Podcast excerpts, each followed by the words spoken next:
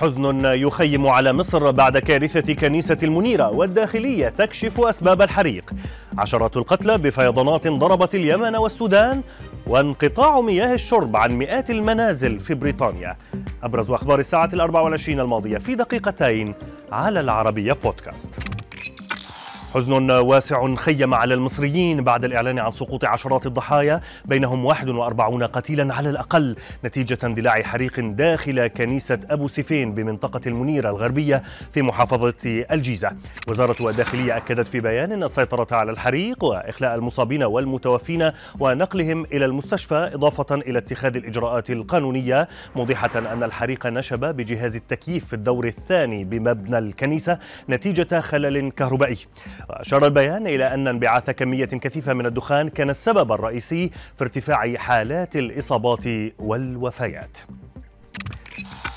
قلق عالمي يتزايد من حدوث كارثة نووية قد تؤثر على أوروبا بأكملها في حال استمر القصف الروسي على محطة زاباروجيا في أوكرانيا والتي تعد الأكبر في القارة العجوز. شبكة سي إن إن الأمريكية نقلت عن خبراء قولهم إن المحطة النووية التي تسيطر عليها موسكو والمناطق المحيطة باتت تتعرض لقصف شبه يومي مشيرة إلى أن إحدى العاملات بالمحطة أكدت أن شبح الكارثة النووية ليس مجرد كوابيس بل هو واقع معاش فيما كرر الرئيس الأوكراني فلوديمير زيلينسكي اتهاماته لروسيا بأنها تستخدم المحطة للابتزاز النووي.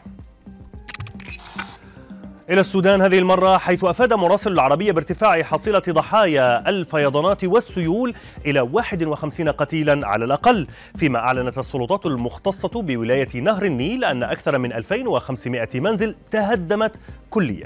وفي اليمن أعلن مكتب الأمم المتحدة لتنسيق الشؤون الإنسانية عن مصرع 77 شخصا بينهم أطفال وتضرر 35 ألف أسرة أغلبها في أماكن وتجمعات النزوح. نتيجة الفيضانات والسيول. وهذا خلال الفترة ما بين السابع والعشرين من يوليو الماضي والعاشر من أغسطس الجاري. وسط توقعات باستمرار هطول الأمطار الغزيرة في البلاد حتى بداية الأسبوع المقبل.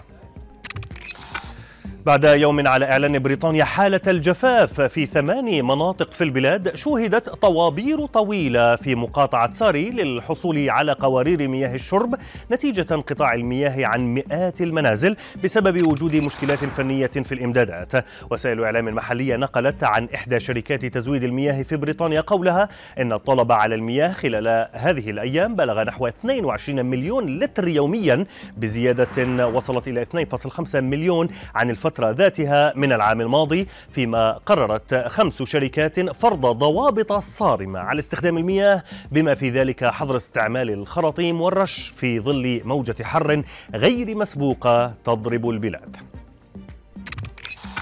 وفي خبرنا الأخير شهدت مدينة مانشستر الكبرى في المملكة المتحدة حادثة غريبة بعد القبض على دمية في شكل دب نفذت عملية سرقة بالمدينة.